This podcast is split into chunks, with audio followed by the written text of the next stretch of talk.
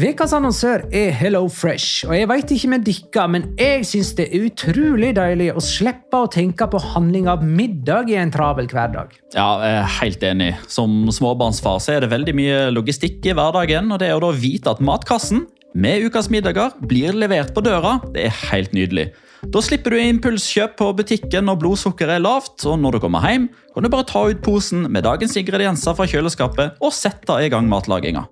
Ja, Du kan velge mellom 25 ulike retter hver uke. Og de har faktisk en egen kategori som heter Raskt og enkelt, med masse enkle og gode oppskrifter. Veldig greit å ikke måtte ty til takeaway hver gang det er hektisk på jobb. Jeg gleder meg spesielt til sterk chilikylling i min neste kasse. Jeg blir sulten bare av å tenke på det. Ja, Det er ikke feil med bacon og cheeseburger heller, da. Og det som også er bra, er at matkassen koster det samme hver uke, som gjør det enklere å holde matbudsjettet. Ja, og så blir det ikke matsvinn heller, fordi du får akkurat det du trenger til hver eneste rett. Hello Fresh kan absolutt anbefales, og bruker du koden vår, LIGALOCA, kan du få opptil 1779 kroner i rabatt på de fem første matkastene hvis du ikke har prøvd Hello Fresh tidligere. Du kan også prøve koden hvis du har avslutta abonnementet ditt for tolv måneder siden eller mer. Gå inn på hellofresh.no og bruk koden LIGALOCA. Bon appétit! Hallo? Jeg kommer fra Oslo politikammer. Ine Jansen er purk. Er du purk? The motherfucking bitch. Alt jeg vil, er å finne ut hva som skjedde med mannen min. Jon Carew. Er jeg sikta for noe? Iben Akeli. Det er du. Ole So, Lars Berrum og Big Daddy Karsten. Hvem sin side er du på, egentlig? Anette Hoff, Tone Danielsen, Kommer du fra Afrika? Jørnis Josef, Nesten. Kløfta. Trond Espen Seim. Det er synd å si det, men det var feil mann som døde. Purk. Premiere tirsdag på TV2 Play.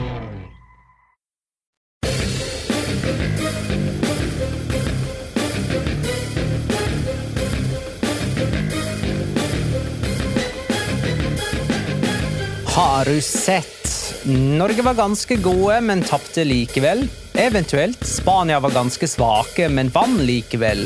For når offensive spillere enten mangler eller svikter, har De La Fuente tross alt et større arsenal å plukke av. F.eks. en 32 år gammel debutant. La liga loca. En litt gærnere fotball.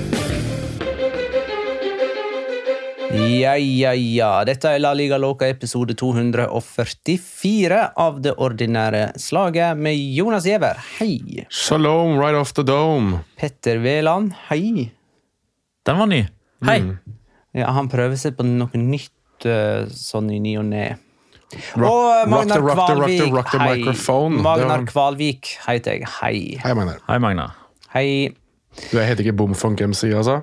Eh, det er riktig. Jeg heter ikke det. Nei. Sorter. Eh, jo takk, det går bra. Skal vi ta spørsmålet til Jørn Henland med en gang? Hvordan var turen til Spania? Nærmere bestemt Malaga. Eh, kjapp tur ned. Vi landa eh, i ett-halv to-tiden natt til lørdag. Eh, kom oss opp, fikk oss frokost, tok noe shopping. Dikka var på Moviestar Pluss og gjorde intervju der, og så reiste vi på stadion. Ja, Der og kampen endte 3-0 til Spania, så reiste vi tilbake en dagen etterpå, og her sitter vi. Så turen var fin, den. Det var ganske effektivt. Eh, altså, såpass effekt, eh, så effektivt som jeg egentlig la det fram nå. Eh, vi prøvde vel å ta oss et glass vin eller øl eh, etter kamp eh, lørdag kveld. Det vil si nesten da natt til søndag. Eh, Det ble en is. det ble en is, for det at én De fleste uteplasser stengte sånn ett. Ja, i alle Halv tolv? Ja, i alle, i alle fall eh, altså Det var jo ett utested da som ikke var i ferd med å stenge når vi var der, men vi snudde i døra Ja. når vi så litt på klientell. og hørte Fortell litt på hvordan det klientellet der Det var. var, mm, det var vel prega av uh, fulle turister. Fra Litt sånn uh, som vi var, bare ikke fulle. Vi var jo turister Jo, på en måte, vi òg. Ja, nei, altså, jeg bare Men hørte de var fra våre heimtrakter. Ja, men jeg, altså, Grunnen til at jeg snudde, var, var vel egentlig at jeg hørte Balenciaga eh, runge utover anlegget. og Da tenkte jeg at det, det er ikke det jeg har behov for å høre på akkurat nå. Alle tankene dine bare wow da du kom inn døra Ja. og måtte snu. Jo, men det var vel òg litt mye sjangling og veldig høylytt prat. Ja, så det var, det var det. et støynivå generelt da, som vi kanskje ikke var helt klare for akkurat da. Prøver du å si at nordmenn i utlandet gjerne liker å Jo, ta seg men det var ikke bare nordmenn, det var briter der òg. Prøver du å si at britere er veldig ulike oss i å ville ta et glass? Nei, det er, ikke, ja, altså, de er ikke så ulike oss nordmenn. Nei. Men Så dere den TikTok-videoen jeg sendte dere? Ja da, det. det var jo tatt fra rett utenfor der. Og da tenkte jeg at Ja, hva var det? åtte timer etter det var videre. Liksom. Ja, hva var den TikToken, da? Nei, det var jo et forsøk på noe sånn moro dansing til miming av noen spanske lyrikker som eh, ikke så så jævla bra ut. Nordmenn i vikinghjelmer og fotballdrakter og maling i trynet som holdt på med dette her da åtte timer. Det så ut som de var berusa Ja. åtte timer før vi var der. Ja. Så de har hatt åtte timer på å drikke og sett Norge tape 3-0 mot Spania. Ja. De var, jeg tror ikke de var der, for å si det sånn. Nei, det vet jeg ikke. Nei. Jeg håper ikke det, for de lever av deres skyld. Ja, skal vi også, siden vi er nå på eh, norsk bortesupporterkultur nå, da, så, eh, som jeg syns jo er ganske fantastisk, sånn egentlig. De fyller opp borteseksjonen, lager liv og viser tilstedeværelse. Eh, og så er det jo artig, skråstrek noe annet, at eh, nordmenn med eh, vikinghjelm på elsparkesykkel farta gjennom gamlebyen og nynna på Norge Rundt-melodien.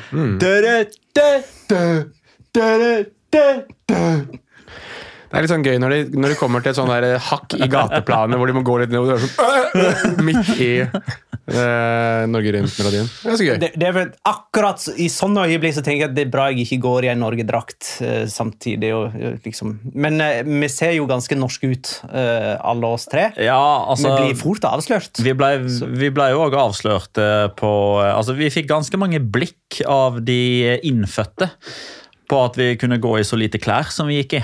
For det var jo tross alt bare 22 grader, så folk gikk jo i, i jakker og bomull der nede. Jeg må jo si at eh, På en måte så er jeg for øvrig litt sånn overraska over at du er her i dag, Petter. Eh, Jeg hadde trodd at du nå hadde tatt med deg hele familien din og flytta til Vigo, for du er jo strengt tatt blitt storkjendis der nede, du nå. Ja, det tar, tar litt lengre tid enn 24 timer å ordne alt det praktiske. Jeg skal flytte dit, men det tar litt lengre tid. Greit, her må vi òg fortelle folk hva vi snakker om. det er jo Eh, det, er det som er bridgen. er det en bridge? Det er en bridge. Det var jo eh, Skal jeg ta det? Eller vil du ta det, Magnar? Eh, lyden min forsvant i headsetet, men det er mulig mikrofonen likevel fungerer. Jeg hører deg i hvert fall godt i mikrofonen. Jeg okay. hører deg. Eh, hva enn var med? Vi var på hvorfor Petter er blitt kjendis i Vigo. Jo, dere ble intervjua på Movistar Pluss. Eh, og vi så den reportasjen seinere på kvelden, der dere var med. Og den var hypertabloid. Det var den. Eh, og det er i et, eh, en del av intervjuet med Petter der han eh, eh, vel sier at han i fem år har lurt på hvorfor ikke Iago Aspa spiller for eh, det spanske landslaget. Ja, jeg får under Luis som Enrique. Ja, Petter eh, sier i intervjuet at han har lurt på i fem år Ja. hvorfor han ikke spiller på det spanske landslaget. Og Det ble da lagt ut som en tweet av Movistar at det er Aspas mani i Norge. Ja. For jeg representerer jo hele Norge. Det er jo det jeg tar ut fra den her. At fordi jeg mener det, så mener det selvfølgelig hele Norge det. Er ikke du hele Norges Petter Wæland, da? Jo, jeg er jo det. Ja. Åpenbart. Og nå er du hele Vigos Petter Wæland nå? Ja, det ble jo sagt av eh, Alexandra Jønsson, som bor der, at eh, jeg knapt kan gå en meter der nå, antageligvis, uten å bli tilbudt øl. Eh, så det må jeg jo utnytte til det fulle. Så har vi jo seinere på dagen fått mer eller mindre stående invitasjon fra Jørgen Strand Larsen til å gjøre absolutt alt i Vigo, bortsett fra å bo hos han. Mm, Skal vi snakke litt om kampen, da? Det må vi. vi kan jo gjøre det. Eh, Da går jeg eh, rett på sak eh, fra Sven Arne, som spør hva skriver spansk presse om taklingen Rodri setter på Ødegård? Rister de bare på hodet av sutrende nordmenn? Priser de seg lykkelige over svak dømming, eller skjønner de ikke spørsmålet? Sjekka to aviser, eh, både papirutgaven og for så vidt også i dag. eh, og Det er jo da Marca og AS, som er gjerne de som er litt mer dypdykkende i, eh, i det spanske landslaget. Ingenting sier de om dommeren. Ingenting. Det, Ingenting om straffesituasjonen. Nei, det var altså under den ene live-oppdateringen til jeg tror det var uh, det var AS, så nevner de jo at Det er en takling fra Nacho på uh, Martin Ødegaard. Rodri. Rodri, sorry, på Martin Ødegaard. Eller om ikke de faktisk skrev Nacho ja, i sin uh, sånn liveoppdatering. At de til og med bomma der. Men at det var en kjempeinvolvering! Uh, og at da VAR er inne og titter på det, men at de avgjør at det ikke er, er straffespark. Så det, det, er liksom det eneste jeg fant. Uh, sånn Utover det så er det jo snakk om alt mulig annet i den kampen der fra spanjolenes del. Forståelig nok, da, uh, men vi er vel ganske pissed over den ene situasjonen. Det, altså jeg la merke til på Twitter i går at uh, Goll TV og Vamos uh, og TVE, som jo er den spanske versjonen av NRK, som liksom er den nasjonale TV-kanalen, de begynte å ta det opp litt sånn ut på dagen i går, altså søndag. Så de reagerer på at man reagerer på det i Norge. Uh, det er mer sånn i Norge så mener de at dette skal være straffe, hva syns dere? Og så er det noen som sier sånn, ja, kanskje var vi heldige, eller nei, det er ingenting. Men det er ingen som rent sånn umiddelbart instinktivt tenker sånn, å shit, der var vi heldige underveis. Ikke i kommenteringa heller. Gikk tilbake inn og så, eller hørte på, på sendinga. Til, til, den kanalen som sendte kampen i Spania. og Bildene ruller, og Ødegaard blir kvesta, men det blir ikke sagt noe som helst som antyder at her skal det ha skjedd noe ureglementert fra spansk hold. i alle fall. Eh, men det virker jo litt sånn internasjonalt generelt. Eh, altså Dermot Corrigan skrev jo om denne kampen for The Athletic. Han nevner ikke straffesituasjonen med et ord. Uh, Sid Lowe nevner en slags parentes for The Guardian, men tar det i større grad opp med Phil Kitromelidis i podkasten, Spanish Football Podcast. og de mener jo begge to at det er straffe. og det mener jo vi òg. Eller?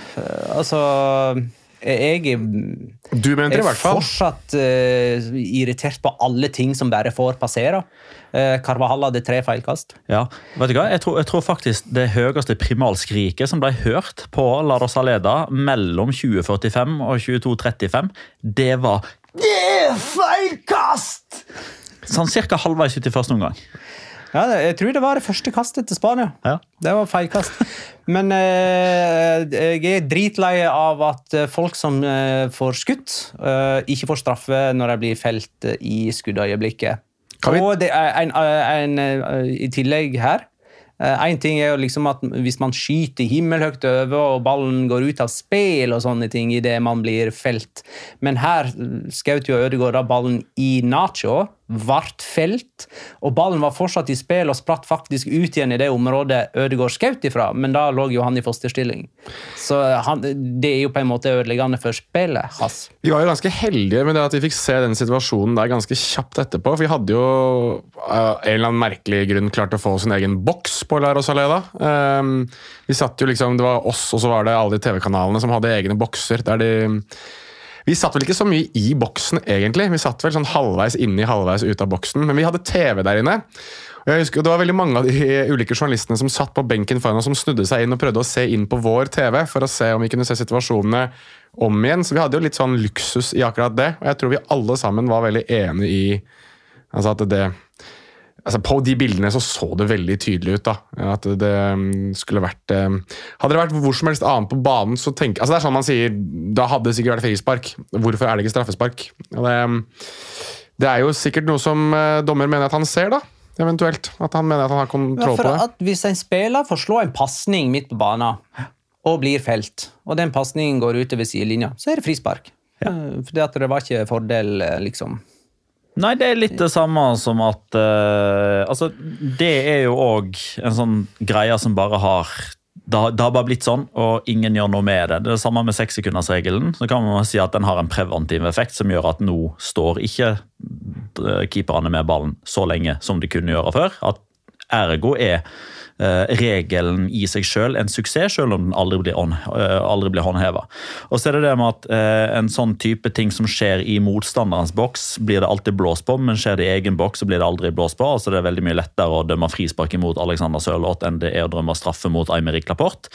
Og det er mye lettere å blåse frispark mot uh, Alvaro Marata enn det å blåse straffe mot Leo Schiri Østegård. Sånn er det bare. Og sånn har det dessverre òg blitt med at Så lenge man har avslutta, så er det lov å gjøre stort sett eh, absolutt alt. Det som er hovedargumentet mitt for at det skal være straffe, og at dette her skiller seg litt grann fra den der vanlige ja, men han har skutt, det er jo at han takler jo ikke Martin Ødegaard eh, på, på skuddfoten, så han kan ikke si, Han kan ikke unnskylde seg med at det er en blokkering. for Det er rett og slett bare en dårlig takling da han takler standfoten.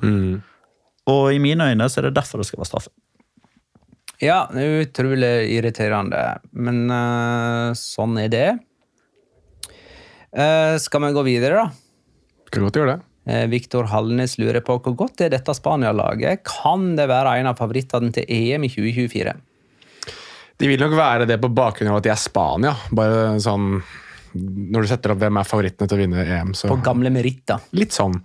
Ehm, men jeg syns jo at det som virker å være tydeligere i dette spanske landslaget nå enn kanskje under Luis Henrique, er at det er mer eh, det er større fleksibilitet. da. Altså De har flere spillere som kan spille i flere posisjoner. De har muligheten til å legge om formasjonen sin underveis i kamper. Det gjorde de jo litt grann her. Altså jeg synes...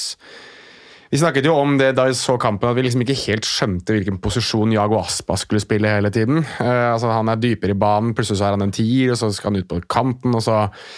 Det er liksom litt sånn surrete, men jeg tror også samtidig at det, når du har Gavi på ene kanten, så kan du liksom flytte litt om på spillere og ha større eh, dynamikk da, i hvordan du, du setter opp laget. og Det så vi ikke så veldig mye synes jeg, under, eh, under Luis Henrique. Og så virker det jo som om de potensielt da kanskje har funnet i hvert fall én da, som kan være en slags plan B på topp for Spania. Um, og det var liksom det store aberet, følte jeg, til, um, til Luis Henrique. At han aldri fant spissen sin. Han fant aldri en sånn klassisk nummer ni. Selv om han prøvde å gjøre det til Alvaro Morata eh, nesten hver eneste gang Spania hadde en viktig kamp. Eh, og Gerard Moreno ble jo skada, og Raúl de Tomàs bestemte seg for å ikke være god lenger. Eh, nå har liksom Joselu, som vi sikkert skal inn på etterpå, plutselig bestemt seg for at han skal være god. Og Borja Iglesias fikk jo ikke engang være i troppen, vel, til den kampen her. Han er vel i landslagstroppen, men måtte sitte på tribunen. Så det er liksom natt og dag på noen, enk noen enkelte posisjoner for Spania sin del. Hva syns du om eh, Spania, da, Petter? Da kan du egentlig Ja, ja. Hva tror eh, om no, eh, ja, Ta Norgekampen først, da. Ja, nei, så det, det var ikke en god spillemessig prestasjon av Spania, syns jeg. Det, jeg syns Rodri var god. Jeg syns Mikkel Merino var god. Jeg syns Kepa var god. Um, og det var vel egentlig, egentlig bare de tre som var oppe liksom og var på et sånt nivå som, uh, som man kunne forvente. Ja, Nacho syns jeg var bedre enn Laporte, så kanskje Nacho altså Nacho spiller jo aldri dårlig, men han spiller heller aldri helt superbra. Du veit hva du får av Nacho, liksom. Det, sånn er det bare. Um, Men uh, sånn alt i alt så har de jo veldig grunn til å være fornøyd med starten. Det var jo veldig mange spørsmålstegn rundt Spania. Hvor står man? Hvordan responderer man på VM-skuffelsen? Hvordan blir mottagelsen på stadion? Uh, ny trener, uh, sånn halv ny formasjon. Samtidig kanskje ikke den kampen man får så mye eh, svar, egentlig. Jeg er mer spent på Spanias vegne på den bortekampen mot Skottland. Jeg syns det er en, en kamp som i, i kanskje litt større grad kommer til å gi et svar på, på hvor man er, rett og slett fordi dette var hjemmebane, og dette var et landslag uten sin desidert største stjerne. Eh, Og det er bare med å si, om enn som en liten sånn Asterix, det har blitt veldig populært nå å si at hvis Haaland hadde spilt den kampen her, så hadde Norge vunnet. Eller Eller, i alle fall tatt, eller i alle fall tatt et poeng. Og det kan godt hende, men jeg er 98 sikker på at Spania ikke hadde spilt på den måten de hadde spilt hvis Haaland hadde vært på banen. De spilte sånn som de spilte fordi Sørloth var der. De hadde ikke vært så naive, risikofylte, stått så høyt med forsvarslinja si hvis det er Haaland som hadde vært der. Hvis Haaland hadde spilt denne kampen, så hadde kampen sett helt annerledes ut. Det, jeg må bare få sagt det, for jeg synes det, det blir litt for enkelt å bare si sånn Hadde vi plassert han inn i den kampen, her, så hadde ingenting endra seg, bortsett fra resultatet. Det, det blir litt for enkelt for meg. Ja, som at Det kan, han godt, hadde- det kan godt hende at Norge hadde tatt poeng, men kampen hadde blitt helt annerledes. Som at han hadde skåra på den sjansen Sørloth bomma på, eh, er vel teorien da. Eh, uten at den sjansen nødvendigvis hadde oppstått. Det kan ha blitt Ja. helt andre sjanser. Jeg tror Poenget her er vel heller det at eh, Spania sto jo skyhøyt med linja si som regel i den kampen. her. Og Det er jo litt fordi at Alexander Sørloth ikke truer det bakrommet. Han er jo bakgrunnstussel for så vidt, han òg. Men ikke i like stor grad som det Nei, og så får, og så får han heller ikke jeg anledning til å være så truende heller, fordi jeg kampbildet blir som det blir. Eh, og Der er jeg litt usikker. Jeg, jeg hørte, altså, vi, vi sto jo i mix-zone eh, etter kampen og, og hørte jo ting som ble sagt on the record, men òg litt off the record, med at man, man er litt sånn etter å ha hørt både on-off eh, the record, uten å gjenfortelle, for det skal man jo ikke, men jeg er litt sånn usikker på om noe ble spilt så dype, eller om man aktivt valgte det. Eh, og så klart Med fasit i hånd så var det nok ikke lurt å eventuelt bare bestemme seg for at vi, vi, vi prøver å stå han av det første kvarteret. For da mener jeg hvis hvis du har lyst til å stå han av det første kvarteret mot Spania, så gjør du Spania gode. Og det er én ting du ikke har lyst til å gjøre, og det er å gjøre Spania gode. Eh, også når eh, Spania kan gjøre et trippelbytte ved å sette inn på Ceballos, Fabian og Jarzabal, uh, da viser de at de har et uh, større, en større bredde, større arsenal enn Norge, og veldig mange andre. Det var noen sikkert ikke så mange så for Jeg mista motet av det, faktisk. Det trippelbyttet. Jeg tenkte nå, nå er den gode perioden til Norge ferdig, og det var han. Ja, jeg syns jo det var litt hyggelig å se Oyar Sabal eh, på lett jogg bort til Martin Ødegaard idet han kom innpå for å klemme på han. Og eh, minne han om de glade dager i Lareal for begges del. Men hva for noen andre sånne klubbkompiser var det vi hadde der? Vi så jo at altså, Ørjan Nyland og Dani Olmo gikk jo nesten hånd i hånd ut av uh, mikseren der. Du har jo Fabian Ruiz og Leo Schiri Østegård i Napoli. Uh, Du har Mikkel Sørlåt. Merino og Sørloth. Du har jo for så vidt også Subi Mendy, selv om han ikke spilte. Sabal. Og Sabal nå, og han har jo også spilt med Ødegård, Ceballos og Ødegaard. Morata og Ødegaard var også på klemmeren en del, men jeg kan, fant liksom ikke helt ut hvor de hadde Fordi Morata må vel ha vært i Juventus da Ødegaard var i Real Madrid, og for så vidt også i Atletico Madrid. Ja, med mindre han var der det siste året, da. At han kom tilbake til Real Madrid etter Juventus. Fra Chelsea. Ja, og så. Atletico. Ja, kan hende at det var Så vidt det For er det er i alle fall ikke noe annet sted. Carvajal og Ødegaard, da. Og for så vidt og Nacho og Ødegaard er jo også sånne som naturlig ville kjent hverandre, sikkert. Så er det sikkert noen som sitter og hyler inn eh, mens de hører på dette her med noe annet vi ikke kommer på. Ja. gjerne sende det inn til oss. Men det er gøy. Ja, ja, nei, altså jeg, jeg prøver å tenke mens jeg prater her nå, hvem andre er det? For eksempel Joselo har jo vært veldig mye overalt. Han har vært i Tyskland, og vært i Stoke og i Newcastle. Men, og sånn. men Dani Olmo og eh, Alexander Sørloth hilste jo òg på hverandre. De- Ja, Sørloth og er jo. Leipzig. Mm. Ja. Men uh, Nyland og Olmo er vel der sammen nå. uh, Ja. Så Ja. Det ble jeg påminnet av for øvrig i Mixed Zone. Det var sånn, Hvordan kjenner de Å ja, ja, de spiller jo på samme klubblag, de! Ja. Eh, Joselu Jago Aspas og Jørgen Strand Larsen. ja. Joselu han spiller ikke på eh, lag med nordmenn, eh, derimot en danske Mm. i Espanol. Men han eh, brukte altså 149 sekunder på banen før han skåra sitt første mål. Det var eh, hans, det var hans første 149 sekunder på det spanske landslaget. Og han brukte 4 minutter og 15 sekunder på å skåre to mål for Spania. Er han da den i historien som har brukt minst tid på å skåre to mål for Spania? Ja, det er han. Han brukte hva var det Mr. Chico fram til da? 16 eller 17 sekunder mindre enn Fernando Morientes gjorde i sin tid. Det må jo ha vært på 90-tallet. Jo, I dag har han bursdag. Han er 33 år i Ja, dag. nå blir han 33, Joselu. Gratulerer med dagen. Grattis! Eh, Det var Jo, han hadde én vellykka pasning og to mål eh, på sitt innhopp. Det er jo litt sånn som Det er litt som eh, Haaland. det. Haaland i løpet av en første omgang. Eh, spiller Haaland 90 minutter, så har han gjerne fire mål og to pasninger. Ja, det var noe for øvrig jeg så mm, Jeg tror det var Marka som hadde det som overskriften sin. Joselu er Haaland. Oh, ja. Oi, såpass, ja! ja. Jeg, spot on. Jeg satt og leste Marka på flyet på vei hjem i går. Det er, sånn rolig, det er sånn rolig flex, Petter. Det er sånn, selv, det er sånn småskryt, egentlig. Satt og løste marka på flyet. Litt sånn halvveis. Er det det? Litt rann. Ja, jeg er enig med Jonas. Litt snikskryte. Ja, men Hva er snikskryte? At jeg har én euro til å kjøpe Marka? Nei, At du har vært i Spania kan-. Vi har en episode om at vi har vært i Spania! Ja, men det er fortsatt litt snikskryt. Jeg syns det er helt på sin plass. Det er ikke Poenget Jeg sier er ikke at det er feil, jeg sier ikke at det er feil, men jeg sier at det er snikskryt for det. Det er fortsatt litt sånn der, Jeg satt og leste Vi Marca på sitter vel egentlig og snikskryter hele gjengen. Ja, er faktisk det. er. Poenget var uansett at i, uh, i kamprapporten, altså i, i kronikken til Marka, Mellom Spania og Norge, en kamp Haaland ikke spilte, så var Haaland nevnt 16 ganger. Det må du. Skal vi se, nå er jeg inne på den siden til Marka. Bare, sånn, bare for å gi folk litt sånn øh, oversikt over hvordan, hvordan de tenker på Haaland. Altså Hvis du søker Haaland på den siden for det spanske landslaget, så er det tre saker med overskrift der Haaland er med. To før kamp, én etter kamp. Det er Haaland overalt, altså. En om Men- Fredrik Aursnes, for øvrig. Å, det er mye mobil Ja, det er ikke meg, jeg har min navn. Det er telefonen til Petter. Joselu skåra for øvrig òg i debuten sin eller? Ja, det er populær. Joselu skåra òg i debuten sin for Real Madrid, Eintracht Frankfurt, Hannover, Alaves og Español. Vi burde se det komme. Det burde egentlig det.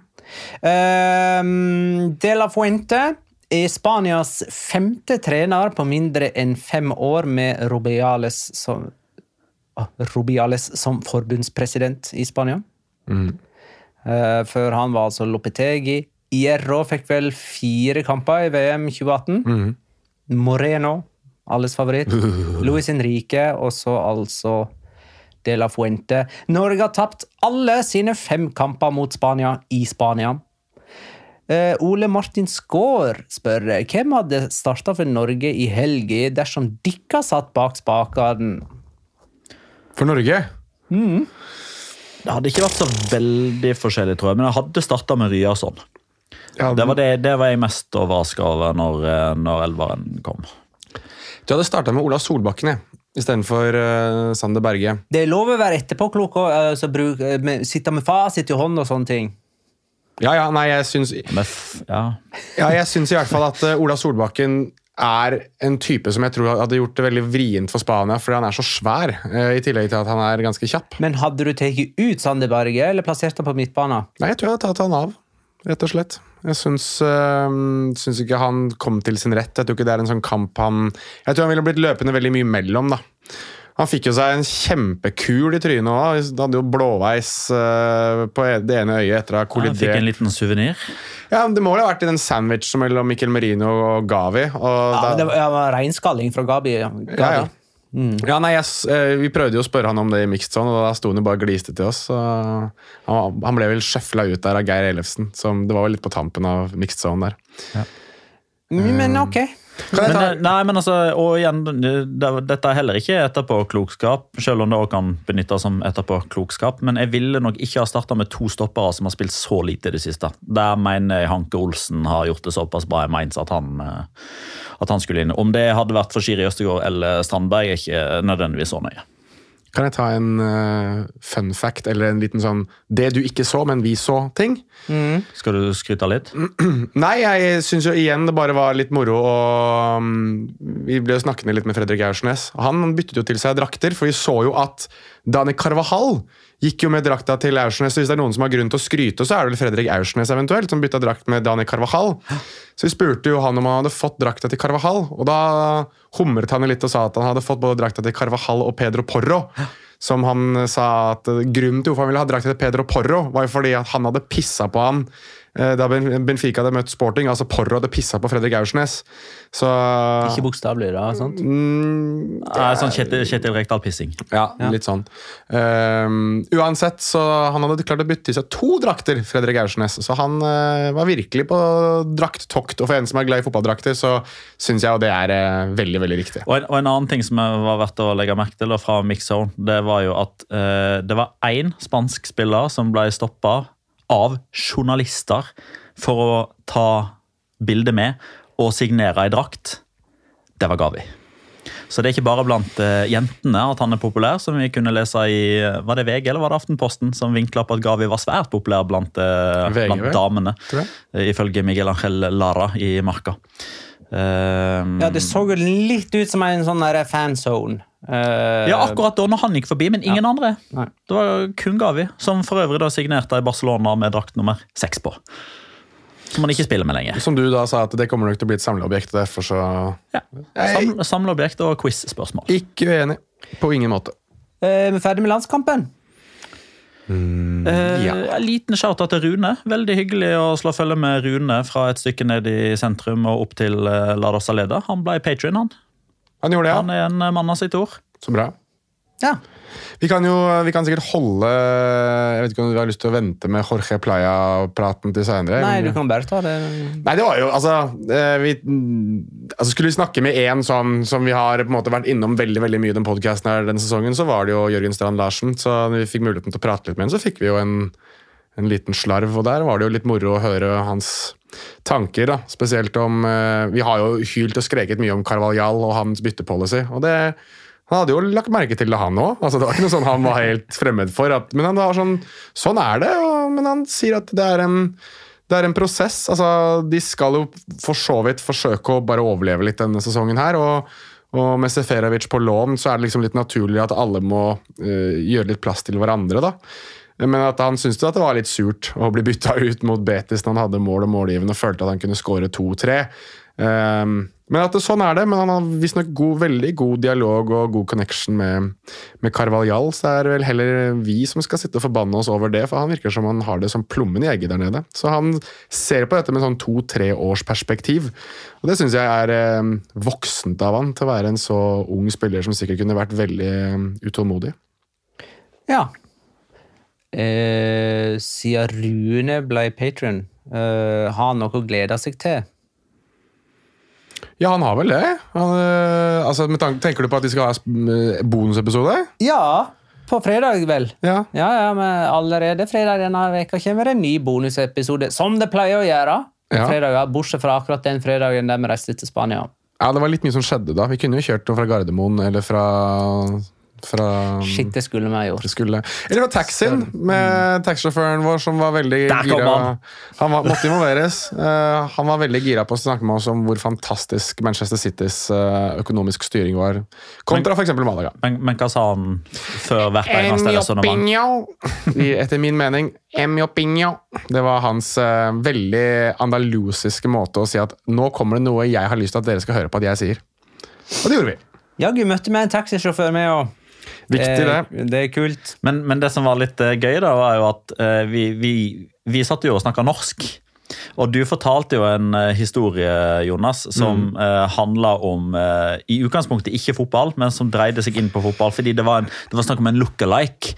Ja. Og navnet på denne look-aliken var jo det som gjorde at han bare Hø? Mendy Libar? Ja. Eller en trener? Uh, Shout-out til Magnus Jøllo Bernstrøm der, som nok skjønner hvor jeg skal fram med Mendy Libar. Jeg trenger ikke å si noe mer enn det. Men ja, han, uh, han hørte navnet Mendy Libar, og tok og da var han i gang. Det var en invitasjon for han til ja. uh, å begynne å prate på innpust og utpust om Da er vi ferdig med Spania-turen, da. Hvis vi, vi avslutta med starten, altså. Det var jo bra. Ja. da tar vi litt SOS. SOS. SOS. Uh, Ørjan spør siden ryktene om at Angelotti skal ta over det brasilianske landslaget, siden de har begynt å ta seg opp, uh, så vil jeg at dere annonserer hver sin trenerkandidat dere håper og tror kommer til å ta over Real Madrid til neste sesong. Uh, Sjøl ser han navn som Zidane, Nagelsmann, Pochettino, Raúl, Gallardo blir nevnt. Ja, Zidane igjen, det hadde gjort seg. Hadde vært gøy hvis det var Zidane enda en gang. Ja. Nei, Det blir Nagelsmann for meg, altså. Det hadde vært innmari kult. Tror du det? Ja. Jeg, jeg, ja, ja. jeg, jeg håper for så vidt litt på Pochettino òg, selv om jeg vet at uh, oddsen er svært høy. Vet du hvem jeg går for? Det er litt sånn uh, på siden, men jeg tror faktisk, med tanke på at han har noe uoppgjort i Real Madrid José Borinho. Nei, det, det, nei. Uh, men Jeg håper du har rett. Å, så gøy det hadde vært! Men han, han kan Er han spiselig der, liksom? Altså Florentino eh, Perez var fan! En ting som hadde vært veldig kult, var om Luis Henrique kunne liksom skrive på sin CV at han både har spilt og trent for både Real Madrid og Barcelona. Det lurer jeg på om han, han, må jo være den første som har både trent og spilt for både Real Madrid og Barcelona. Det kan jo ikke være noen andre enn som har gjort det. Det hadde vært ganske fett. Det er et godt quiz-spørsmål. Ikke dra opp noe fra 60-tallet nå, Petter. Fuck off, drit i det. Det er ingen som har gjort det før. Det ville vært Louis Henrique som er førstemann. Jeg bestemmer det. Men øh, Ja, ja, jeg har bestemt det. Jeg gidder ikke noe mer. Men jeg, José Mourinho er litt sånn Jeg vet at det har vært litt sånn smånevnt. Jeg vet at Oyer Fano, vår, nevn, vår venn fra, som sitter i San Sebastian nå, og sikkert hører på dette her, eh, han òg, han er i hvert fall veldig på det at han tror det ville gitt mening, og at det kanskje er noe som man ville ha tenkt på. At Mourinho har vært litt nærme tidligere. Og nå har jo han hatt litt oppsving med, med Roma også, så det Altså, hvorfor skal ikke han bare fortsette å være der og vinne konferanseligaen? og- Fordi det er Real Madrid, Magnar! Det er Real Madrid! Derfor. Eh, men altså sånn eh, Naturlig så tenker jeg jo at en av disse som er ledige, altså Pochettino eller Tucho eller Nå er jo til og med også Antonio Conte ledig. Eh, så ville jeg tro at eh, de potensielt ville gitt Real Madrid Altså var det enklere å ansette dem. Conte får vel en vanskelig vei inn i en ny toppklubb nå, eller? Han skal vel sikkert til Juventus når eh, Allegri får sparken. Mest sannsynlig, skulle man jo tro. Nå er jo Juventus Ikke, Jeg tror ikke det blir vanskelig for han å få seg en toppklubb, punktum. Men jeg tror det blir vanskelig for han å få seg en toppklubb som ikke er i trøbbel. Altså, Conte er jo perfekt inn og røske opp litt i ting. Men når ting blir for kjedelig og for stille litt for lenge, da begynner han å slite på omgivelsene og omvendt. Men Conte som en quick fix, tommel opp. Men det er jo ikke det Real Madrid trenger nå. Nei, jeg tror Jeg går i hvert fall for José Mourinho, jeg. Jeg syns det. Og så tror jeg Det hadde vært supergøy, da. Forestill deg det. José Mourinho mot Xavi. Nå har vi på en måte hatt Guardiola mot Mourinho og så Xavi mot Mourinho. Det hadde vært eh, sånn for Morbons skyld og for liksom dette eh, Kall det eventyrlige, dette morsomme, så ville jo det vært det beste, da. Eh, kapteinen til Barcelona i den tiden der de virkelig hunsa med hverandre. Så, eller i hvert fall én av kapteinene. Poyol var vel kanskje hovedkaptein, men ja. Rasmus Jacobsen spør, eller ber oss nevne én spiller vi skulle ønske lykkes i favorittklubben vår, men som ikke gjorde det. Ayman Abdenor. Nei eh, Ja, Du er på Valencia. ja, altså, Vi må jo passe på at vi ikke vi skal være sånn superfans her. Men jeg kan si, ta én spill To spillere vil jeg ta, faktisk, fra, for Valencia sin del, av to helt, helt ulike årsaker. Nummer én hvis, hvis Petter skal ha vært tidligere selvskrytende i dag, så skal jeg være litt selvskrytende akkurat nå. Jeg har jo faktisk hatt en spiller med mitt navn som har spilt for den klubben jeg heier på i Spania. Jonas Gonsalves spilte jo i Valencia, og han var jo forholdsvis en suksess. Men ikke lenge nok til at så veldig mange husker han. Og han spilte med draktnummer drakt nummer sju. ja, Men, men på hva, hva måte er dette sjølskryt? At han heiter, At du heter Jonas? At jeg kunne kjøpt en drakt med Jonas på ryggen uten at det hadde, uten at det hadde vært eh, Det hadde vært jævlig selvforherligende, men, men med grunn. Eh, Så han er den ene. Men den andre er det er liksom Litt fordi jeg syns han var superkul. Eh, Og det er Nelson Aedo Valdes. Eh, Han hadde vært Altså hadde altså Nelson Aedo Valdes skåret mål, så hadde han vært altså tidenes fotballspiller. Det er jeg ganske sikker på. Han jobba så mye, han. Han løp og løp og pressa og pressa. Altså, han har vært så perfekt for så mange av de klubbene som i dag skal liksom presse høyt og sånn. Men hadde han skåret litt mål òg, han skårte jo ingenting, så hadde han vært så gull å ha i uh, hvilken som helst klubb. Så jeg går for de to, jeg. Jeg har ikke bestemt meg helt ennå, så go on, du. Ja eh, Maradona. Han om var- lykkes han var en sånn dopa, Han var en suksess. Han var jo Ja, suksess. Men var ikke det bare én sesong? Jo, men, men den ene sesongen var bra, da. Det hadde vært kult hvis han ble huksa eh, som Sevilla-spiller. Han blir jo ikke det. Ah. Men eh, Michael Krohn Deli Ja. han fikk den der stygge skaden som ødelagte hele greia. Han var, han kneet han mot Zenit St. Petersburg. ja, det, det var helt jævlig. Eh, og og han var jo god, da. Så han hadde, hadde ikke han hatt den skaden, så hadde Sevilla vært en tittelkandidat i sin tid, rundt 2016. Kan jeg komme med et forslag til Sevilla? Eh, og så kan jeg nevne Lamela òg, for jeg syns ikke han har lykkes. Jeg hadde trodd og håpet han skulle det. Kan jeg foreslå Chiro Immobile, som jeg hadde kjempetro på Ja. da han kom til Sevilla? Men lov å nevne han òg. Ja, mm. jeg jeg han- tror egentlig du kan komme over ganske mange Sevilla-spillere hvis man går øh, gjennom noen øh, tropper Hva het han som spilte? Hva het han som spilte? Han japaneren, var det Kiyotake? Var det han som spilte i Sevilla? Ja, han var det. Hadde han blitt suksess, så hadde man jo hatt en skikkelig sånn influks av japanere i, i La Liga. Så sånn sett så kan du jo kanskje nevne Du har for så vidt hatt det, da, men uh, han syns jeg var utrolig kul da han var i Valencia. Altså, eller jeg kan jo ta uh, Wissam Ben Yedder. Er jo for så vidt en sånn For han var jo dritgod. Han gjorde akkurat det han skulle. Han skåra de målene som gjorde at verdien steg, og de solgte han for, med stor profitt. Ja, men jeg bare tenker at han kunne vært så inn i helvetes mye bedre i Sevilla hadde han bare fått spille. Han satt jo så mye på benken. Ja. Ja. Så jeg, går, eh, jeg, jeg bidrar med Wissam Ben Yedder og Kiyotake. Du da, Petter? Zinedine Zygan. Ja, han har faktisk vært inne i hjernebarken min. Han, og Det eneste han blir huska for i Villarreal, var jo at han var i nærheten av Ronaldinho når han hadde den brasseskåringa på eh, Ja. Men han var jo ikke så verst. Han Ja, han var ikke så verst. Han var ikke så verst. Eh, fra det litt barmhjertige hjørnet, da. Nikki Bille Nilsen. Hvis han hadde blitt litt bedre i Viadial, så hadde det kanskje gått litt bedre med han seinere. Jeg vet, ikke kanskje mye som kunne redde han, egentlig, men dessverre. Nei, men kanskje kunne det vært det, da. Um, gikk jo ikke sånn superbra med han ehm, Åh. Jeg hater når jeg får jerneteppe. Han eh, italieneren Giuseppe Rossi, Ja, han kunne vært så sinnssykt mye bedre, han, om det ikke hadde vært for skader.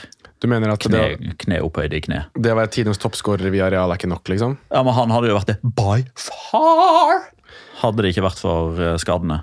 Ja, jeg bare tenker Når du er tidenes toppskårer i en klubb, så kan du liksom ikke gjøre det sånn skrekkelig mye bedre, kan du da?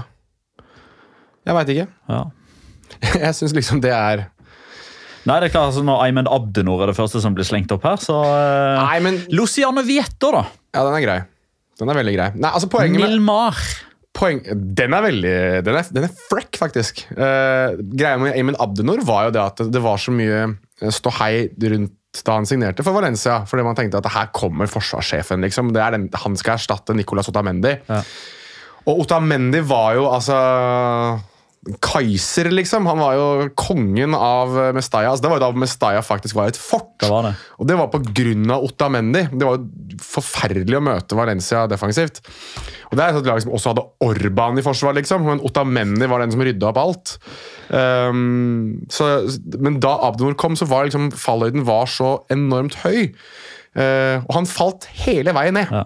To honorable mentions uh, til. da. Den ene som burde ha blitt veldig mye bedre enn hva han ble. Matti Goll.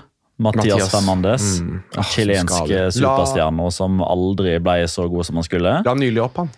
Ja, ikke sant? Mm. Uh, og en spiller som forsvant altfor tidlig fordi man aldri fikk kloa ordentlig i han permanent. André Frank Sambo Angissa. Ja, Godt poeng. Ja. Kan jeg, kan jeg ta et sliding doors-øyeblikk for Valencia sin del? Bare veldig kjapt. Eh, avgjørelsen om å la Isco gå gratis fordi man hadde kjøpt Chorri Dominguez. Der har du et sånt øyeblikk som kunne vært veldig definerende for veldig mye av Valencia på 2000-tallet. 2010-tallet. Hussein Abdullahi spør eh, hva tenker dere om Messi tilbake til Barcelona-ryktet. Hvor realistisk er det? Altså Hvor begynner vi? Ehm, altså, Først og fremst så må vi jo ta det kjedelige. Og jeg trenger ikke å si noe mer om Massa Salarial. Det er liksom Barcelona har problemer økonomisk. Jeg ser at du, jeg ser at du kaster huet bakover. Jeg bare lurer på, Er ikke det nå mulig for han å ta dette året gratis, som de snakka om da han forlot klubben? Ikke lov å spille gratis. Fem kroner, da. Nei, Nei, for de bruker euro. Nei men, jeg tror du, men jeg tror du kan spille Altså, Daniel Alves Jeg fant en 50 euro-lapp Ja, hva gjorde du med i, den? I den? Malaga. Han kunne ha fått den. Ja, men hva, hva gjorde du med den? Nei, Den har jeg faktisk fortsatt eh, i baklomma på shortsen. Eh, greia var at han var litt reven og så ut til å ha lege lenge. Så jeg er litt usikker på om han går igjennom eh, som en ekte seddel. Og, og, det, kan jo være en forfalska seddel òg, så jeg tør ikke å bruke den noen plass. Gå i banken. Gå i banken i, Ja, det er vel noe sånt man må gjøre. Ja, tipper du Eh, så. dette, eh, dette kan ha sikkert en lytter eh, noen gode tips på. Veldig godt poeng. Um, eller eventuelt så kan du jo da dele den på tolv og betale det første året til Lionel Messi i Barcelona, som du var inne på. uh, men jeg, jeg Altså, de kan vel han kan vel tjene ganske lite det første året sitt i, uh, i Barcelona. Det var noe Dani Alves gjorde, husker jeg, da han returnerte. Da betalte de jo han i holdt på å si ja, Nå holdt jeg på å komme med en forferdelig vits, det skal jeg ikke gjøre. Um, de betalte i hvert fall ikke så veldig mye penger, uh, og det var jo noe som var gjort et stort poeng ut av at Alves hadde, tatt, uh, hadde offret veldig mye økonomisk for å spille for Barcelona i andre periode der. Um, men jeg er ikke helt sikker på um, på åssen det der funker. Oi! Hvordan det funker. Nå må du ta opp, Petter. Oi! Nå ble Jonas veldig rørt av å snakke om en mulig Messi-retur her. Jeg fikk et, uh, fikk et eller annet i halsen. Jeg vet ikke hva det var. Mua, Men uh, flua, mygg. hvis vi ser vekk fra det økonomiske, da er det fortsatt uh, Altså, vil Messi, vil Barcelona, eller Ja, er det bare noe ja. de snakker om? Nei, det, det tror jeg er liksom helt åpenbart at Messi vil tilbake igjen på et eller annet eh, tidspunkt. Eh, Jeg har fortsatt eh, mine tvil om han kommer til å spille på Camp Nou igjen i Barcelona-drakt.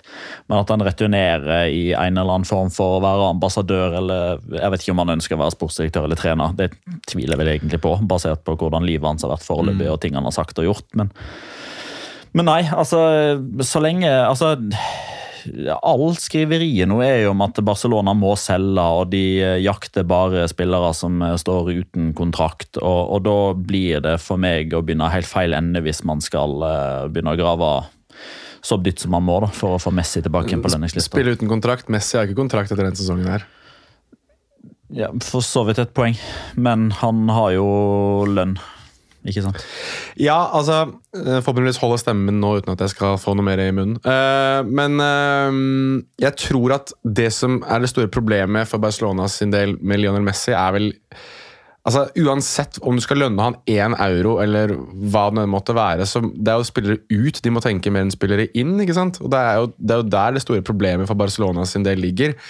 Samtidig så er de jo i Altså, de, de blir jo fulgt med lupe nå på uansett hva de gjør. Altså, det, det må jo bare Hvis det er noe Caso Negreira kommer til å legge igjen altså, sporet av, er at nå kommer alle til å følge med på absolutt alt Barcelona gjør.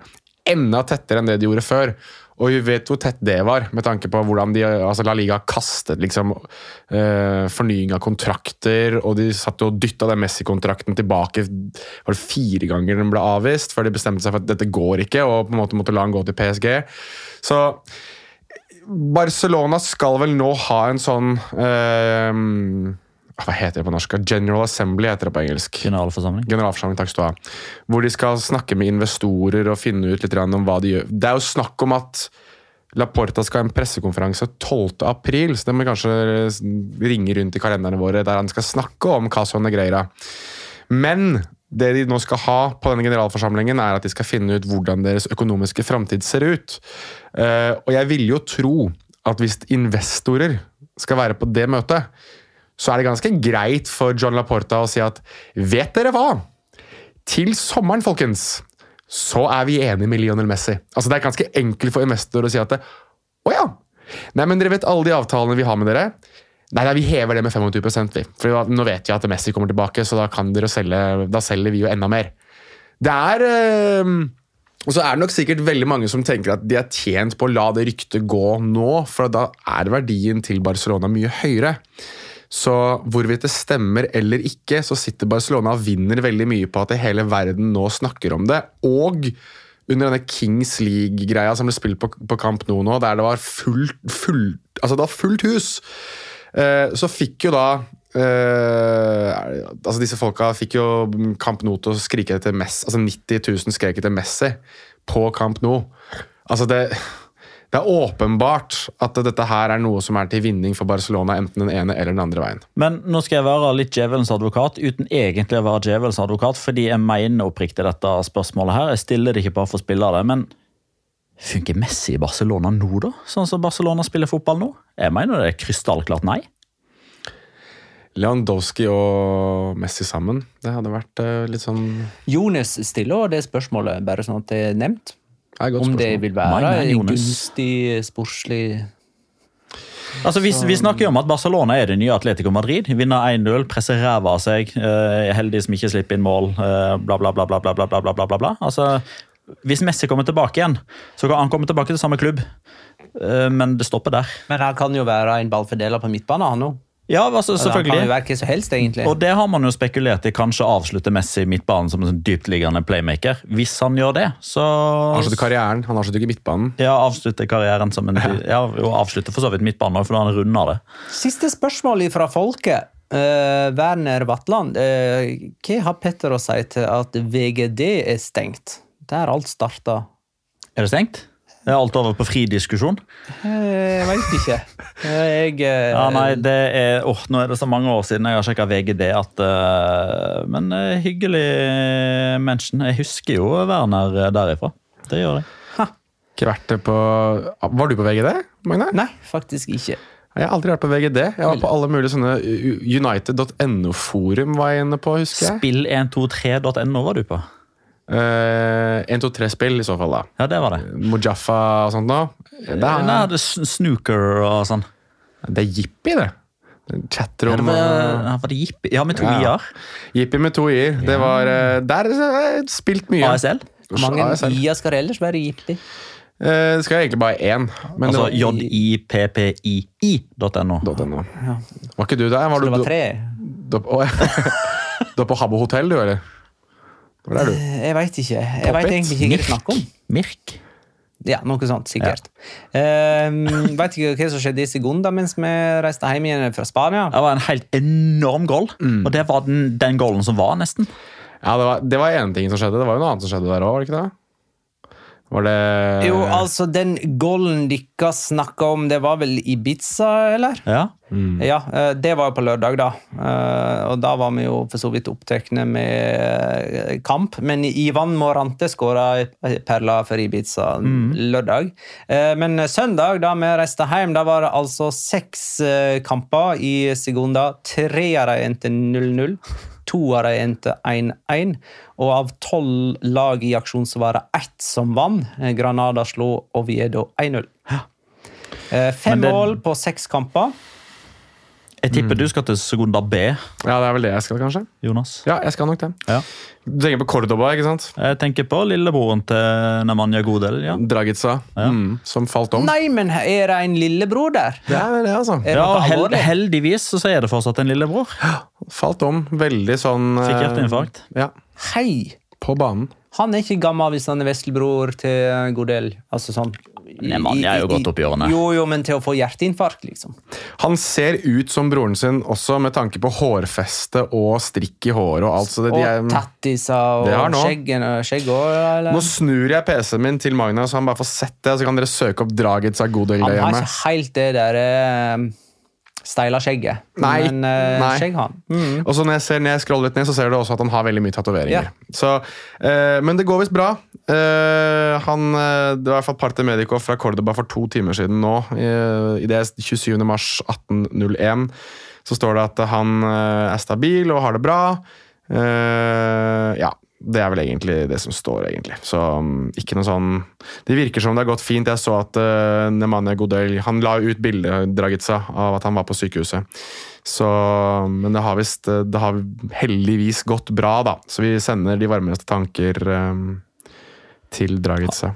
Nemanja var på sykehuset.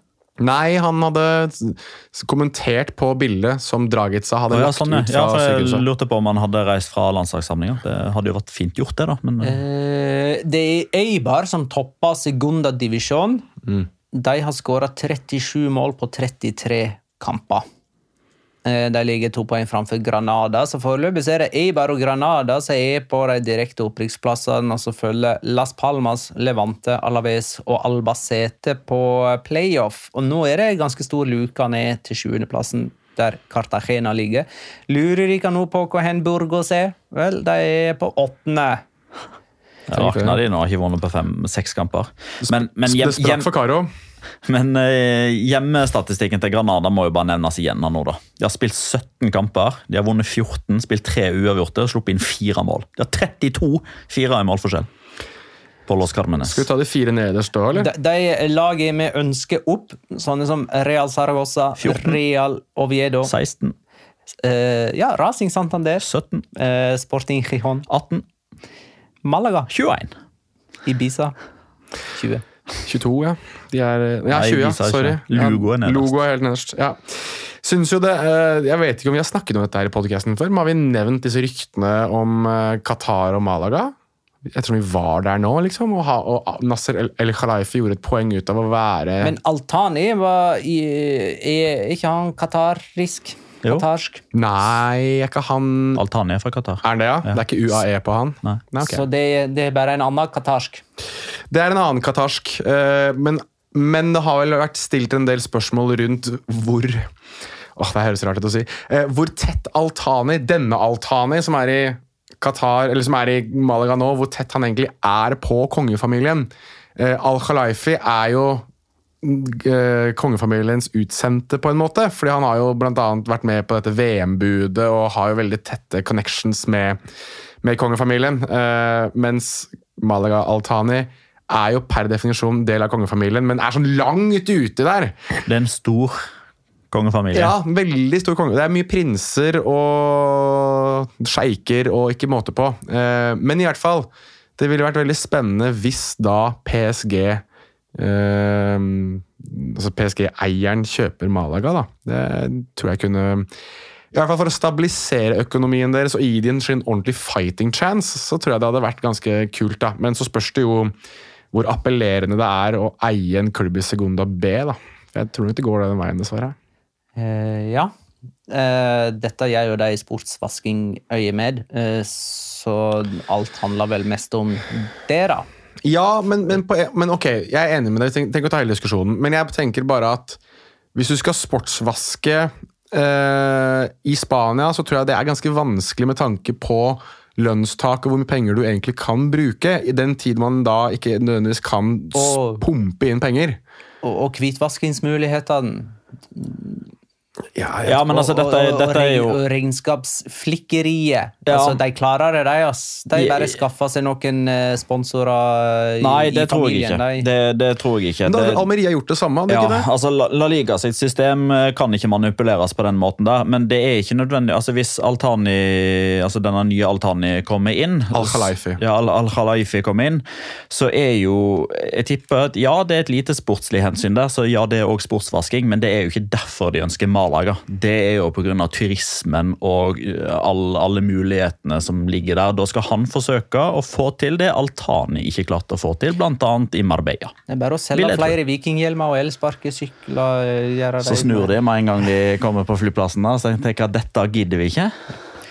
Eh, nei, jo, det legger til rette for eh, inntekter, det. Ja, var ja, jeg lurer på hvor aktuelt det hadde vært for Haaland å spille for Malaga hvis de hadde blitt litt gode. Vi skal tippe. Eh, Forrige kampen vi tippa på, det var Spania-Norge, som endte 3-0. Dani Olmo var første målskårer. Jeg hadde 2-1 med Morata som første målskårer og får ett poeng. Petter hadde 2-2 med Haaland som første målskårer. Det gir null poeng. Jonas hadde 0-1 med Haaland. Det gir òg null poeng. Totalt har jeg 30, Petter 20 og Jonas 16. Neste kamp, Kadis mot Sevilla. Lørdag klokka 18.30. Nå da med José Luis Mendelibar som Sevilla, den tredje Sevilla-treneren for sesongen. Kort om det. At Mendeli som har tatt over? Ja. Um, nei, altså, det er jo uh, på en måte litt sånn Jeg får sånn litt sånn Teitur Tordarsson-feeling av det, ansettelsen. Fordi det er jo åpenbart en grå, kjedelig trener som skal ansettes for å egentlig redde en sesong. Håper Teitur ikke hører på, da. Nei, Teitur veit nok veldig godt hva han ble ansatt for de gangene han ble ansatt i klubber for å redde Teitur det. veitur. Altså, For å måte si noe hyggelig holdt jeg på å si, om en annen norsk uh, eliteseriekjenning altså, Tom Nordli var jo den morsomme utgaven av Teitur Tordarsson. Eh, der, der han Håper Teitur ikke hører på. Sorry, altså, men Teitur var ikke noe morsom. Han hadde den ene sesongen husker jeg, med Brann der han holdt på å vinne ligaen, der de snubla og Rosenborg vant. Men, men det var liksom, etter det så var han jo kjent for å redde en del klubber. Men uh, Mendelibar er grå. Han er kjedelig, men han er uh, veldig effektiv. Nei, Jeg håper at Teitur Tordasson ikke hører på nå. Er du ikke enig i at Mendelibar er grå, kjedelig, men effektiv? Litt sånn som Teitur Tordarsson var grå, var kjedelig, men var jævlig effektiv, han òg. Jeg synes Teitur Todarsson var kjempehyggelig når han var på besøk på Odda stadion um, i første runde. i Ja, men for faen i helvete! Det er ikke noe å si på om Teitur Tordarsson var hyggelig eller ei. Han, var, han er sikkert verdens hyggeligste mann, men jeg syns han var Det er sikkert Mendelibar òg. Det var han som Ja. var i Vancouver White. Nei. Mendelibar er gretten gammel gubbe som hater varer og alt som er nytt. Han hater panteautomater, fordi det er ikke sånn man gjorde det før. Men vet du hva? Teitur Trodalsson han panter med glede. Altså. Han kildesorterer òg, det er jeg helt sikker på. Men det, men det jeg tenker, er at eh, Sevilla nå har trykket litt på nødknappen. Jeg, jeg har bare sagt at nå, vi må bare komme oss inn til sommeren. Og det er bare ut sesongen han sitter. Ja, jo, jo, ikke opsjon på- opsjon på ja, et år til? Jo, jo, men Det er Den- ikke sånn, det er ikke sånn redde plassen-opsjon. Nei, det, det er det nok ikke. Men altså jeg synes egentlig det at Sevilla nå ansetter José Luis Mendelibar er et bevis på hvor langt ned Sevilla har falt. Fordi altså, Én ting er at vi, vi snakker om José Luis Mendilibar som en litt traust kar som kanskje spiller litt primitiv fotball, og det, resultatene er viktigere enn en spillestilen osv. Men det fins jo sånne type trenere som har hatt storklubber. Men altså, José Luis Mendelibar fikk sparken i Atletic. Han fikk sparken i Valladolid. Han lyktes ikke spesielt godt i Osasona. Han klarte å komme inn og redde Levante tilbake i 2014. Han gjorde det veldig bra med knøttlille Eibar fram til det ikke gikk lenger. Han klarte ikke å redde Alaves fra, fra nedrykk. Ja, og også, ja. neste jobben han får, er Sevilla. Sevilla! Det, det er som å bli sparka oppover. Han blir sparka oppover. Er det, litt som, er det litt som å få sparken i Tenerife og så ende opp som Valencia-trener? Det er litt Ja, sånn. Ruben Baraja eh, og José Luis Mendelibar Ja. de møtes de om en Det- måned. Under en måned. Sevilla og Valencia har veldig mye til felles eh, denne sesongen. Begge rykker ned òg, eller? Men eh, en, eh, en spiller jeg tror kommer til å nyte godt av dette, det er Rafa Mir. Eh, Så jeg sier eh, på Cádiz Sevilla eh, 1-2 og Rafa Mir. Ja, jeg sier eh, 1-1. eh, og det blir jo ikke Rafa Mir som starter. Det er jo Josef Enesyri. Han skårer det første målet. Da tar jeg en som eh, kanskje kjenner Mendeliva bedre enn noen andre i den Sevilla-troppen, og sier eh, Marko Dimitrovic, den er, nå, har, nå har du begynt å bli desperat etter poeng. Husk det at Marko Dimitrovic skåra faktisk på et straffespark, men Deliba lot han ta. Han. Eh, men en annen en som kjenner han kanskje enda bedre, og, JJ? og det er Jota Jota. Det er eh, altså da 0-1. Joan Jordan. Ja. For han kommer nok til å starte og spille en veldig viktig rolle for, um, for Mendelibar. Og jeg tror også Theon, at her eh, får vi en permanent keeperendring. Jeg tror Dimitrovic blir førstekeeper ut sesongen. Rett og slett fordi Mendelibar veit hva han får, og det vet man egentlig ikke hva man gjør med Bono lenger. Jeg liker han, men Da uh, runder vi av, og så er vi tilbake på uh, hva det blir av patrion.com slash la liga loca. Med bra. bonus på fredag. Takk for at du Nei, jeg vil avslutte med Jo, jo, jo. jo, jo. Men nå må vi sette ting i, i kontekst her. Fordi i morgen kveld så spiller Spania på Hampton Park. det er Ja. tirsdag 28. mars. Det er første gang de spiller der på 12 15 år. Den skal dere oppsummere på fredag. Jeg vil bare avslutte med en trip down memory lane. Startelveren til Spania den kampen. Kan vi gjette? Ja, dere husker jo den. Tolv år siden! 2011. Ja. Hva skal vi prøve? Dette er jo gøy. Ja, Okto- da oktober var vel 2010. fortsatt uh, Casillas i mål, da. Ja, Ja. Det, det er riktig. En ting som folk har sagt at de syns er dritgøy, er når vi har disse quizene, for da kan de være med og spille, de òg. ja, det sa for øvrig Rune òg. Han satt og ropte inn i eh, Ja. iPhonen sin, Så- eller der han hørte det. Det er blitt din nye Det er en ny spalte vi skal innføre veldig kom, snart. kom med det når vi har uh, drevet på i en time. Ja. Ja. Mm, Sergio gjør jeg Ramos. det nå. Ja. Og uh, Piola gjetter, men Piquet Pyol er der. Pyol er der, Og Piqué. Så er Sergio Ramos høyrebekk, da. Mm. Capte Villa. Ja. Og Kaptein Villa fortsatt. Dette er altså oktober 2010. Busquets. Ja. Busquets, Xavi og Iniesta. Nei og ja. Ikke Xavi? Ikke Xavi. Men Ikke denne kampen. Fabregas. Nei. David Silva. Ja. Ja, Hvor Er det 4-3-3 det her? Dette er en eh, 4-2-3-1. men uh, David Villa Ja. Chabi Alonso. Ja. og uh, Pedro. Nei. Så du vent da, vent litt nå. Vi har da Busquets og Chabi Alonso som de to pivotene som sitter, som sitter og så har du da tre lø løperekke der Silva er den ene, Mm. og så er, er spissen David Villa. Mm. Ok, Da mangler vi da en Ganchen, altså nummer ti, og så mest sannsynlig høyrekanten. Nei, den. Enganchen er nok Iniesta. Det er Iniesta, ja. Iniesta Silva. Vi mangler høyrekanten. Vi mangler høyrekanten, ja. Ja. Eller ja, høyre, høyre, indre, høyre offensiv indreløper, vil jeg kanskje si. Høyre offensiv indreløper. Så det er en som er god i å komme inn i boks, da, med andre ord. Ja ja, Jeg vel ikke det han er mest kjent for, men Uh, Parejo. Nei. Jeg måtte, altså, kunne vært en sånn type. Uh, Men vedkommende har litt til felles med han. har litt til felles med Parejo. Ja. Det er ikke gjerne dere Har ikke Esteban Granero en, en eller to kamper, da? Nei. Nei, han er kanskje ikke det heller. Eller, det kan godt hende at han har landskamp, men det er ikke han. Men eh, er Valencia en nøkkel her? Nei. Det er ikke Juan Mata. Nei. Nei. Um, Kokke? Er det for tidlig Nei, det er for tidlig. Ja. Eh, Da er det også åpenbart for tidlig for Saul. Ja. Altfor tidlig faktisk for Saul, jeg tenker meg om. Ehm, eh, eh, for det, det er jo ingen Det kan jo ikke være noen på Atletico Madrid, tenker jeg. Det, Dette er før Atletico var store. ja, de, Altså, Kike Sanchez Flores hadde ingen i denne troppen. Det er ikke Gregoria Manzano eller Abel Resino heller. Men skal vi til Real Madrid? Nei. Eh, Barcelona Nei. til Aha. England? Ikke akkurat da, men seinere. så han blir stor Men han er, er han i Spania på det tidspunktet her? Ja. Så det er en, spi okay, ja. så det er en spiller som spiller i Så han spiller mest sannsynlig for Villarreal, Valencia, Sevilla Navas? Nei. Han er mer kant, vel? er det ikke det? Han er da klink kant. Um, faen, det her var vanskelig, ass. Må, han, her, han her kan ikke ha mange landskamper. Jo, det har han. Har han mange landskamper òg? ja, han har mange ok, da må vi ta der. For nå kommer sikkert folk til å sitte og le av altså.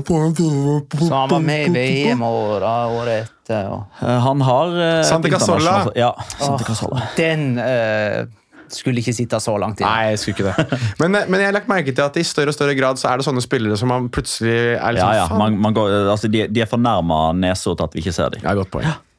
Nå kan du avslutte. Magnus. Takk for at du lytta, kjære lytter. Ha det, da.